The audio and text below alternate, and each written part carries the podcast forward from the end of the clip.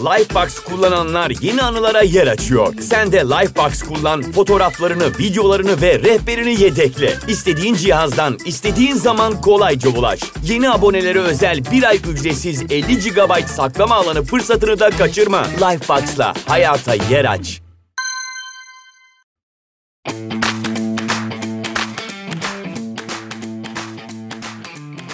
Merhabalar, Gelişi Güzel Hayallere hoş geldiniz. Hayallerin peşinden koşup hayatlarını dolu dolu yaşayan, aramızdaki saklı kahramanların sıra dışı hikayelerini, hedeflerine ulaşmak için neleri farklı yaptıkları ve eğlenceli sohbetleriyle ilham veren yolculuklarını dinliyor olacağız. 9. bölümümüzün konuğu Türk caz müziğinin önde gelen isimlerinden ve uluslararası arenada en güçlü temsilcimiz Aslı Özer. Aslı hoş geldin. Merhaba, hoş bulduk. Nasılsın? Çok iyiyim. Sen nasılsın Emine? Teşekkür ederim. Ben deyim. Teşekkür ederim vaktini ayırdığın için. Ne demek benim için çok büyük bir keyif. Her zaman. Son yeni single'ın da çıktı görüyorum artık böyle sosyal medyada. Dedim ki Aslı'ya bir ulaşayım. Aslı'nın bu programda kesinlikle yer alması lazım. Evet evet çok teşekkürler. Evet yeni projeler yapıyorum. Yeni şeyler de gelecek. Onların üzerine de konuşuruz zaten. Aynen öyle konuşuruz. Böyle direkt konuya gireceğim. Çünkü küçüklükten beri böyle piyanoya bir ilgin olduğunu biliyorum. Oradan bu yaşa kadar getirip ve aynı zamanda full time çalışıyorsun o piyanoya olan ilgin nasıl gelişti, işinle beraber onu nasıl harmanladın, bu albüm çıkartmaya ve uluslararası festivallere katılmaya kadar nasıl gitti? Böyle baştan bize yavaştan anlatmak ister misin? Tabii memnuniyetle. E, 6 yaşında başladım çok küçükken e, babamın teşviğiyle başlamıştım. Kendi hatta sordu bana istiyor musun piyano çalmak? E, tabii bir fikrim yoktu açıkçası. Olur dedim bir şeyler deneyelim. E, o gün bugündür bırakmadım. E, üzerinden 25-26 sene geçmiş. E, hala çok büyük bir tutkuyla e, kullanıyorum o piyanoyu, o tuşları. E, dediğim gibi klasik müzik eğitimiyle başladı. Hep özel derslerle başladı. E, ilkokul, ortaokul, lise derken üniversite döneminde artık müzisyen olacağım ben, müzik okuyacağım dediğim zaman ailemin tabii ki klasik e, bir e, Türk ailesi olarak tepkisiyle karşılaştım ve dediler ki hayır müzik okuma sen e, başka bir şey oku müziği de hobi olarak yaparsın. Müzikten hani meslek olur mu sen onu hobi diye yap.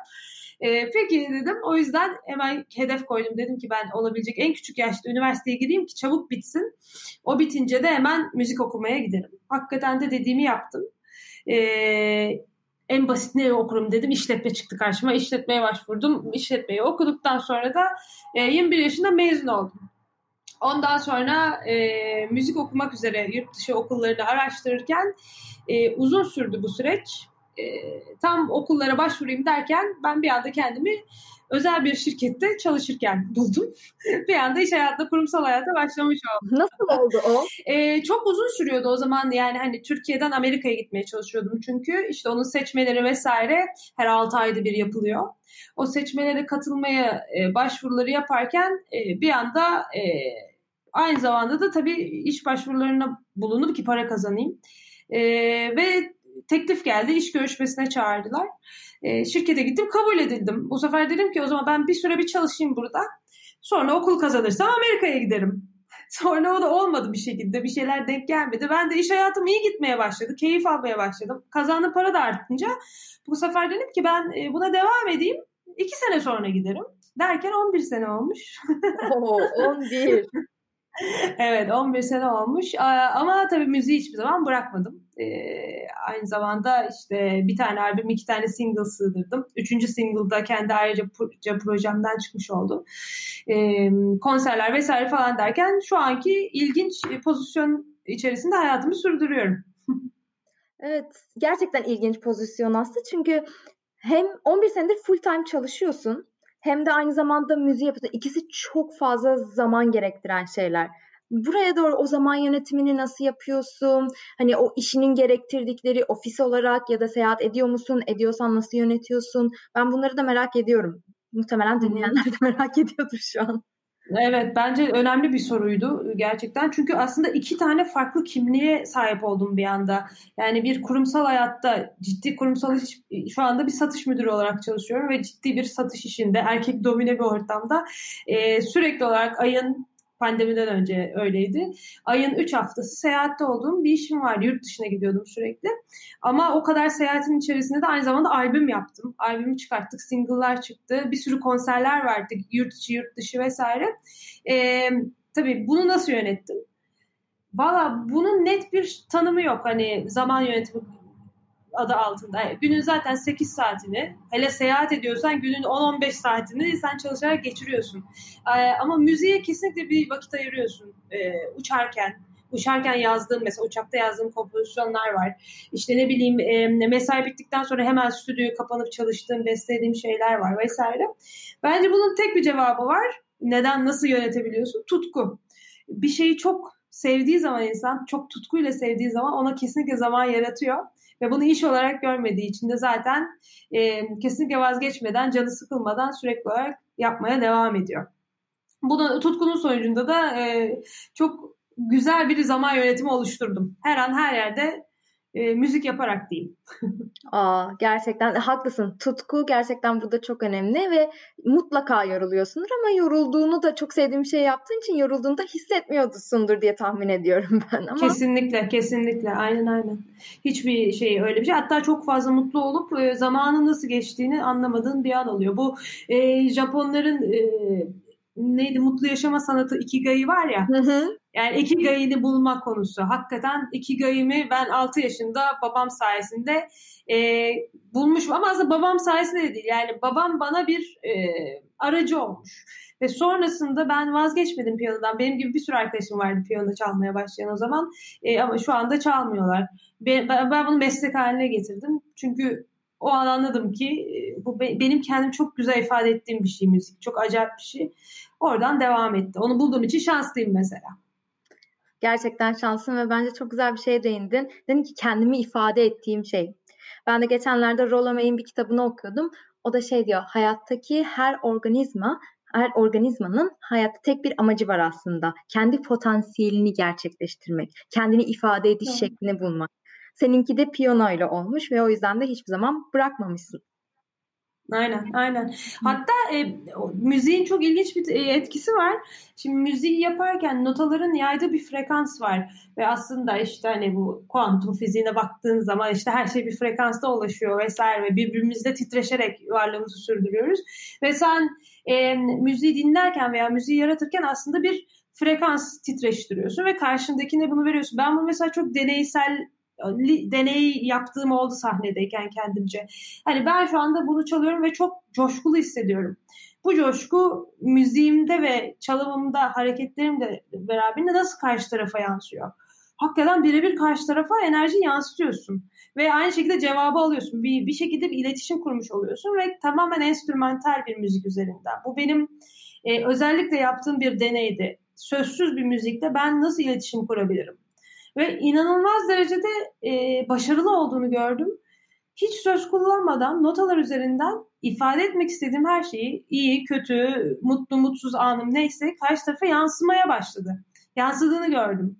E, ve uzun süre inat ettim yani söz kullanmadan enstrümantal müzik yapacağım diye. Sonra da geçtiğimiz e, ay ilk defa e, vokalli bir single çıkardım. E, Rain adı altında. İlk defa vokali denedim. Yani e, bu sefer sözcüklerle nasıl ifade edebilirim duyguları veya insanlarla iletişim kurabilirim diye çok zorlandım aslında. çok ilginç. Çünkü enstrümantal dünyanın, sözsüz dünyanın yaydığı daha gerçekçi bir duygu var sanırım. Ee, sözleri kullandığın zaman da karşı tarafa çok fazla empoze ediyorsun ne anlaması gerektiğini gibi geliyor bana. Öbürü daha açık. Ee, şimdi şimdi bunu deneyiyorum. Bakayım yani sözlü neyi ne kadar ifade edebiliyorum, kim neyi ne kadar algılayabiliyor, nasıl iletişim kurabiliyoruz. Böyle gidiyor yani benim hayat amacım da herhalde bunları e, deneyimleyerek insanlara bir şeyler e, ne bileyim e, yaşatabilmek veya bir şeyler uyandırabilmekmiş anladığım kadarıyla. Hala keşfediyorum tabii. Tabii her zaman ke- keşfediş hiçbir zaman bitmiyor ama hani insanlara bir şeyler vermek, duygularına dokunmak, iyi hissettirmek, bir şeyler eklemek belki hayatına. Yani e, çok fazla yöntemi var bunun. Her insanın dediğin gibi kendini ifade edişi farklı, hayat amacına ulaşma şekli farklı. Seninki de müzik. Evet, evet doğru. Ve şey soracağım. Sen mesela şimdi bu, bunları yapıyorsun, albüm çıkardın, konser veriyorsun aynı evet. zamanda. Onu nasıl yönetiyorsun? Bir de uluslararası arenada bu Amerika'daki Jazz Festivali'ne katıldın. Onun ismini ben çok söyleyebildiğimden emin değilim. Senden alacağım o yüzden. e, Amerika'da New York'ta bir konser verdik. Amersfoort Jazz Festival de Hollanda'daydı. Oradaki festivale katılmıştık. Amersfoort diye okunuyor. E, e, kolay okunabilir Dutch kelimelerden biri diyeyim. En azından anlatan. Ama çok haklısın yani şey, e, ne denir e, düşünmekte. E, şöyle o konser takvimini tabii ki öncelikle kendi kurumsal hayatıma göre dengelemem gerekiyor. Kurumsal hayattaki takvimin sonrasına e, bakıyorum. Hangisi mevcut müsaitse ona göre ayarlıyorum. Ama güzel yanı şu e, konseri gündüz vermiyorsun, akşam veriyorsun. Dolayısıyla e, zaten mesaim 5'te 6'da bittiği için alttan sonraki herhangi bir saat benim konser verebilmemi sağlıyor. E, ama büyük festivaller, jazz festivalleri ya da işte uluslararası bir şey olduğu zaman, e, konser olduğu zaman benim işimin şansı şu e, en son pozisyondaki işimin seyahat ettiğim için aslında gittiğim yerden de e, çalışabiliyorum. Şu anda pandemide artık herkes öyle oldu gerçi.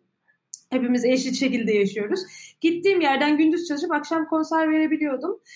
E, bu bir planlama yöntemi ama çok ciddi bir etkinlik varsa tabii ki yıllık iznimden memnuniyetle çünkü bir tatilde harcadığım zamandan daha da keyif veriyor o konserler e, harcayarak düşerek e, onu planlıyordum. Anladım. Benim e, merak ettiğim şey bir de şey sen bu Amersfoort'a kat, Amersfoort'a katıldığında mesela o kadar sanatçı arasından sizi seçtiler. Cazip projeyi seçtiler. Aslı Özel'i seçtiler. Neden sizi seçtiler? Siz orada neyi farklı yaptınız? Ee, bence biz yani Cazip Project grubu olarak konuştuğumuz zaman biz çok kendi müziğine güvenen ve aslında istediği müziği yapma odaklı yaşayan e, müzisyenlerdik ve bunu yaptık. E, müziğimize de çok güvendik bu yüzden. E, dolayısıyla insanlara sunduğumuz zaman gerçek bir şey, kendi içimizden yani orijinal bir şey sunduğumuzu biliyorduk. Ve orijinal olan her içerik her zaman alıcı buluyor. Her zaman takdir e, alan bir şey. E, birincisi buydu. İkincisi en önemli konulardan biri iletişim. E, insanlarla iletişim kurmak zorundasınız. Yani ya müziğiniz aracılığıyla ya da e, hani birebir bir insan olarak, bir birey olarak iletişim kurmalısınız. E, bu iletişimi de başardığımızı düşünüyorum ama sanırım ikisi arasında da önemli bir şey var. E, bazı insanlar da çok iletişim kurar ama istediği şeyi istediği yere ulaştıramaz. Çok içsel olarak ısrarcı olmak lazım isteğimizde. Ama bunu bir şekilde zamana da bırakmak gerekiyor. Çünkü doğru zamanın gelmesi gerekiyor. Ama en önemlisi yaptığınız işin arkasında durabilmek ve kendinize güvenmek. Yani kendi güveniyorsan, yaptığın işe de güveniyorsan o zaten istediğin yere doğru zamanda bir şekilde gidiyor. Bizimkiler de doğru zamanda doğru kişilerle ulaşarak e, müziğimizin orijinal olması sebebiyle e, ilgi e, gördü diyelim. O yüzden başarabildik bunu. Lifebox kullananlar yeni anılara yer açıyor. Sen de Lifebox kullan, fotoğraflarını, videolarını ve rehberini yedekle. İstediğin cihazdan, istediğin zaman kolayca ulaş. Yeni abonelere özel bir ay ücretsiz 50 GB saklama alanı fırsatını da kaçırma. Lifebox'la hayata yer aç. Anladım. Evet doğru zamanlama ve istediğin işi çok severek yapmak çok önemli iki nokta. Zaten dediğin gibi o zamanı gelince sana geliyor. Peki bu senin e, sponsorluğunu aldığın keyboardda bu şekilde mi oldu? E, evet, Nord Keyboard e, çok heyecanlı bir şeydi. E, sponsorluğu değil de hani davet, davet ettiler Nord World Session diye bir etkinliğe. tabii dünyadan bir sürü iyi müzisyen oraya davet ediliyor. Ben de çok ilginç bir dönemdeyken davet edildim. Hiç de beklemiyordum çünkü davet ettiği insanların böyle binlerce takipçisi var işte. Bilinen müzisyenler acayip sahnelerde yer almışlar. Ben de işte bir yandan gündüz yağ satan, yağ sattıktan sonra akşam bal satan Ondan sonra bestelerini yapan bir tip falan. Ama e, her zaman dediğim gibi özgür hissederim. Yani ben kendi yapmak istediğim şeyi yaptığıma inandığım için e, bir anda hiç beklemediğim bir anda e, bana ulaştılar. Seni buraya davet etmek istiyoruz dediler. Ama burada önemli bir şey söylemek istiyorum. Çünkü kendi üzerim, üzerimde de deneyimlediğim bir şey bu. Yıllar önce ilk klavyemi aldığım zaman ki herhalde bu 5-6 sene önce oluyor. Aldım ve dedim ki bir gün bu, bu adamlarla iş yapacağım. Bir gün bana sponsor olacaklar veya ben bunlarla bir iş yapacağım diye içimden geçirdim. Durup dururken. Çünkü çok seviyorum markayı. Tabii tabii klavyeyi aldım ve sonra kırmızı klavye diye geçer zaten bunlar. E aldım ki bu Red Monster, bu kırmızı canavar e, bir gün bana ulaşacak bunun sahipleri ve biz bunlarla bir iş yapacağız dedim. İçimden geçirir, geçirirsin ya böyle. Ama sonra tamamen unuttum. Yani e, ısrar etmedim. Hani şöyle olmadı. Tamam bunu içimden geçirdim ama ne zaman olacak? Gelecekler mi? Bugün gelmediler. Bir sene geçti, üç sene geçti. Hani böyle bir psikolojiye girmeden e, elimden geldiğince bir şeyler ürettim ve hiç beklemediğim bir anda adamlar sizin YouTube'unuzdan, Instagram'ınızdan yaptığınız işleri gördük. Çok beğendik.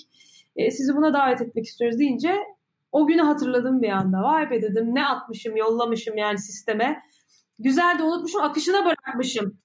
Unutmuşum da akışına bırakmak yani önemli olan bu bence. Çünkü bir şeyi tutturunca e, zaten onu elde edemiyorsun ya da yanlış şeyi elde ediyorsun. Akışına bıraktım ve bir şekilde o bana geri geldi. Ee, ben hani burada bu mesajı vermek isterim. Çünkü hani bu podcast'in de böyle güzel bir e, hizmeti var insanlara, ilgililere. E, bir şeyi istiyorsak gerçekten akışına bırakarak beklemek. Çok istemek ama sonrasında unutup akışına bırakmak lazım. Çünkü sistem her zaman doğru zamanda doğru şekilde size geliyor. Kesinlikle o benim inanılmaz inandığım bir şey. Hani bir şeyi istemek, gerçekten içten istemek, elinden gelenin en iyisini yapmak ama onu orada bir şekilde unutmak. Hani sürekli hadi hadi dediğin gibi değil de bir orada bir şekilde unutmak. Hani ben bir ara şey bu enerjisel şeyleri senin de en başta bahsettiğin evrenle aramızda olan bu enerji ilişkisini çok araştırmıştım. Ve gerçekten sen bir şey istediğin zaman o sana geliyor. Doğru zamanda geliyor. Ve eğer benim de gözlemlediğim şeylerden bir tanesi bir şeyi çok istediği istiyorsam ve eğer o olmuyorsa ya eğer onu gerçekten çok istemiyormuşum. Sonradan onu fark ediyorum. Yani olsaymış beni gerçekten o kadar mutlu etmeyecekmiş. Kesinlikle. Bilinçaltında aslında o kadar istememişsin onu. Hatta reddetmişim bir yerde falan. Yakalıyorsun onu sonra. Kesinlikle. Hani içten bir şey, içten içe ona zaten inanmıyor olmayacağına ya da istemediğine dair. Ya da olmuyorsa zaten o olmuyor ve çok daha güzeli geliyor. Benim de kendi hayatımda keşfettiğim şeyler bu. Hani bir şeyi istediğimi zannedip olmadığında üzüldüğümde sonrasında öyle bir şey geldi ki Allah'ım iyi ki olmamış ya bu ne kadar güzel ya da ben ne istemiş olabilirim ki bu benim hayatıma geldi dediğim o kadar çok an oldu ki. İşte aslında sisteme güvenmek orada yani ilahi düzene nasıl adlandırıyorsanız yani o onun bildiği şey bizim bildiğimizden veya planladığımızdan çok daha iyi olduğu için yani o kadar bilemiyorsun sen bu e, formatta insan formatında bu kapasitede seninki bu kadar ama o daha iyisini biliyor senin mükemmel doğru ve hayırlı gördüğün şey aslında belki de öyle değil e, ve daha iyisi var yani o yüzden tamamen sisteme e, yaslanıp Ondan sonra akışına bırakmak lazım. Çok zor. Çünkü insanın egosu devreye giriyor ya da beklentileri oluyor. İşte ne bileyim endişe, korku zaten en büyük engel bu bence. İnsanın korku ve endişeleri bütün gücünü e, düşüren şey. Bir şeyden korktuğun zaman her şeyi mahvediyorsun. E, bunlar yüzünden bir anda işte onu başaramıyorsun sisteme güvenmeyi ve diyorsun ki işte lanet olsun niye olmadı vesaire falan. Ama sonra senin dediğinde geliyor. Aslında iyi ki olmuş e ben niye bu kadar stres oldum ki falan. Sonra günün sonunda böyle bitiriyorsun yani. o yüzden onu gerçekten çok inanarak e, her şeyde bir doğru bir şey vardır diye bırakmak gerekiyor. Akışına bırakmanın tanımı bence böyle. Kesinlikle öyle.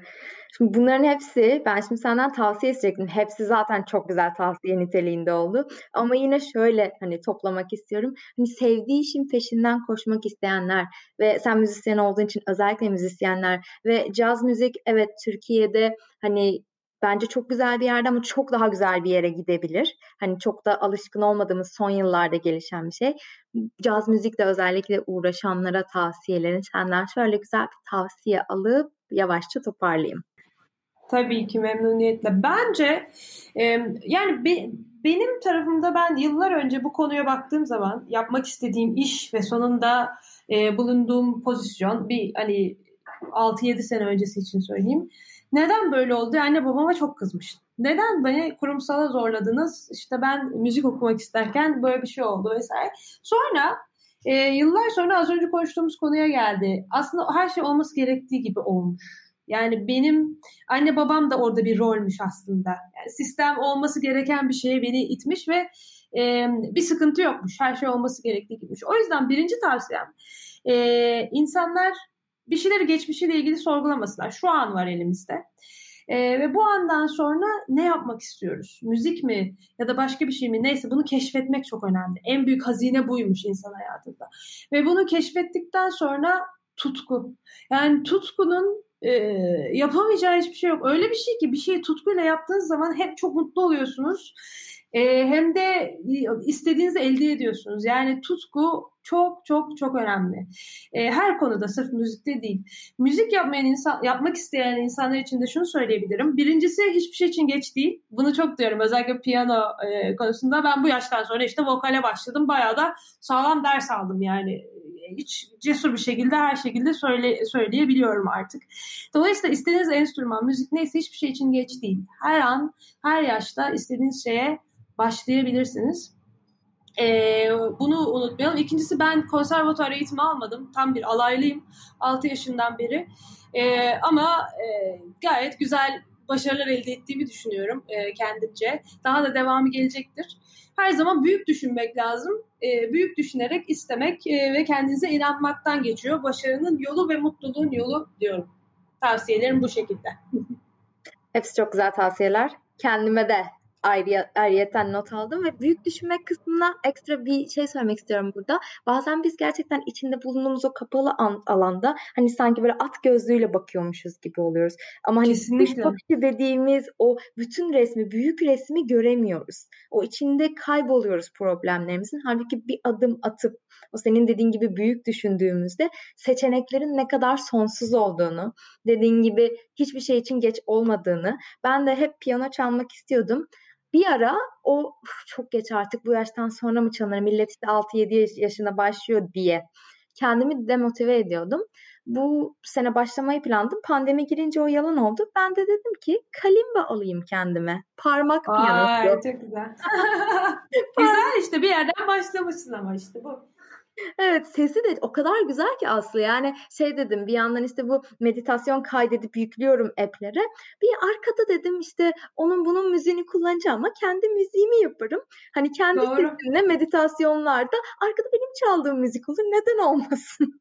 Kesinlikle ki. E, bu şeyler de öyle e, e, işte daha çok işte ziller olsun, marakaslar olsun, shaker'lar olsun bu tip bunların da çok ilginç yerde bir frekans alanı var yani. Tavsiye ederim. Hiçbir şey yapamıyorsunuz. Onları yapın. Ya da bu uzak doğudaki şeyler var ya çeviriyorsun. E, böyle bir metal üzerinde bol böyle Aha. ondan böyle değişik bir ses çıkıyor falan böyle. Hani neyse ne, ne yani istiyorsanız da şeye vurun masaya vurun kendinize ritim tutturun güzel bir şey ya. Müzik her yerden herkes bir şey yapabilir yani. Kesinlikle. O bowl'lar bayağı ünlü bu arada. Sound healing olarak geçiyor. O hani evet. bayağı onun ekstra uzmanları var. İşte handpanler bilmem neler falan. Dediğin gibi bir yerden başlamak istiyorsak her şeye mutlaka ki bir yolu var. Bizim de başlayabileceğimiz bir şey var. Evet. Son e, bir şey daha söyleyeyim. E, e, en önemlisi galiba bu. Anda olabilmek. Ama anda olabilmek e, hani anda olabilmek diye sırf buraya bir kulağınızdan girip e, öbüründen çıkması. Anda olabilmek çok zor bir şey. Çok da kolay bir şey ama olduğu zaman çok acayip bir enerji kapısı açılıyor. Bence hepimiz bunu elimizden geldiğince yapabiliyor olmalıyız. Bunun için çaba harcamalıyız. Her şeyden öte. Ah be bunu çok geç söyledin Aslı. Kapattıktan sonra. yok yok yok daha kapamadık ama e, şey diyecektim. yok şaka yapıyorum. Hiç geç söylemeden aslında çok zamanında söyledim. Anda kalmak. E, bu podcast'ten benim çıkış amacım hiçbir zaman bu mindfulness işte farkındalık, anda kalmak buna değildi. Ama e, röportaj yaptığım herkesin ortak noktası bu. Farkındalık, hmm. anda kalmak, bir şeyi içinde yaşamak çok ilginç bir şekilde. böyle bir noktaya evrildi. Yani demek ki tutkularının peşinden koşan insanların en büyük ortak noktalarından bir tanesi de anda kalıp o anın keyfini çıkararak hani geçmişin o üzüntüsüne geleceğin kaygısından bir şekilde sıyrılmış olabilmeleriymiş. Yani bu dokuzuncu bölüm ve şu ana kadar gerçekten herkeste ortak nokta buydu. Wow, çok etkileyici. Doğru bence çok mantıklı. Tutkulu bir şey yaptığın zaman o anda başka hiçbir şey düşünmüyorsun zaten.